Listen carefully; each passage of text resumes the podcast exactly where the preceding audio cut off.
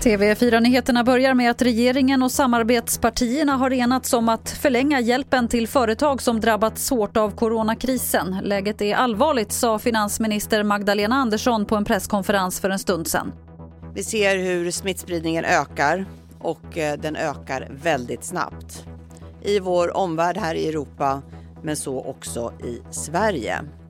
Och det man gör nu är bland annat att förlänga möjligheten för företag att korttidspermittera personal fram till sista juni nästa år. Och omställningsstödet kommer förlängas med tre månader. Mer från presskonferensen finns på tv4play.se.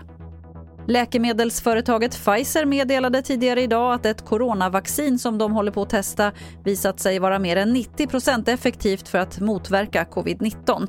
Det här beskrivs som ett stort framsteg och skulle för Sveriges del kunna innebära att man kan börja vaccinera i januari. Och till sist kan vi berätta att Centerpartiets Annie Lööf har satt sig i coronakarantän efter att en medarbetare haft förkylningssymptom. Hon skriver på Twitter att hon av försiktighetsskäl tills vidare väljer att styra om till digitala möten hemifrån. Det var det senaste från TV4 Nyheterna. Jag heter Lotta Wall.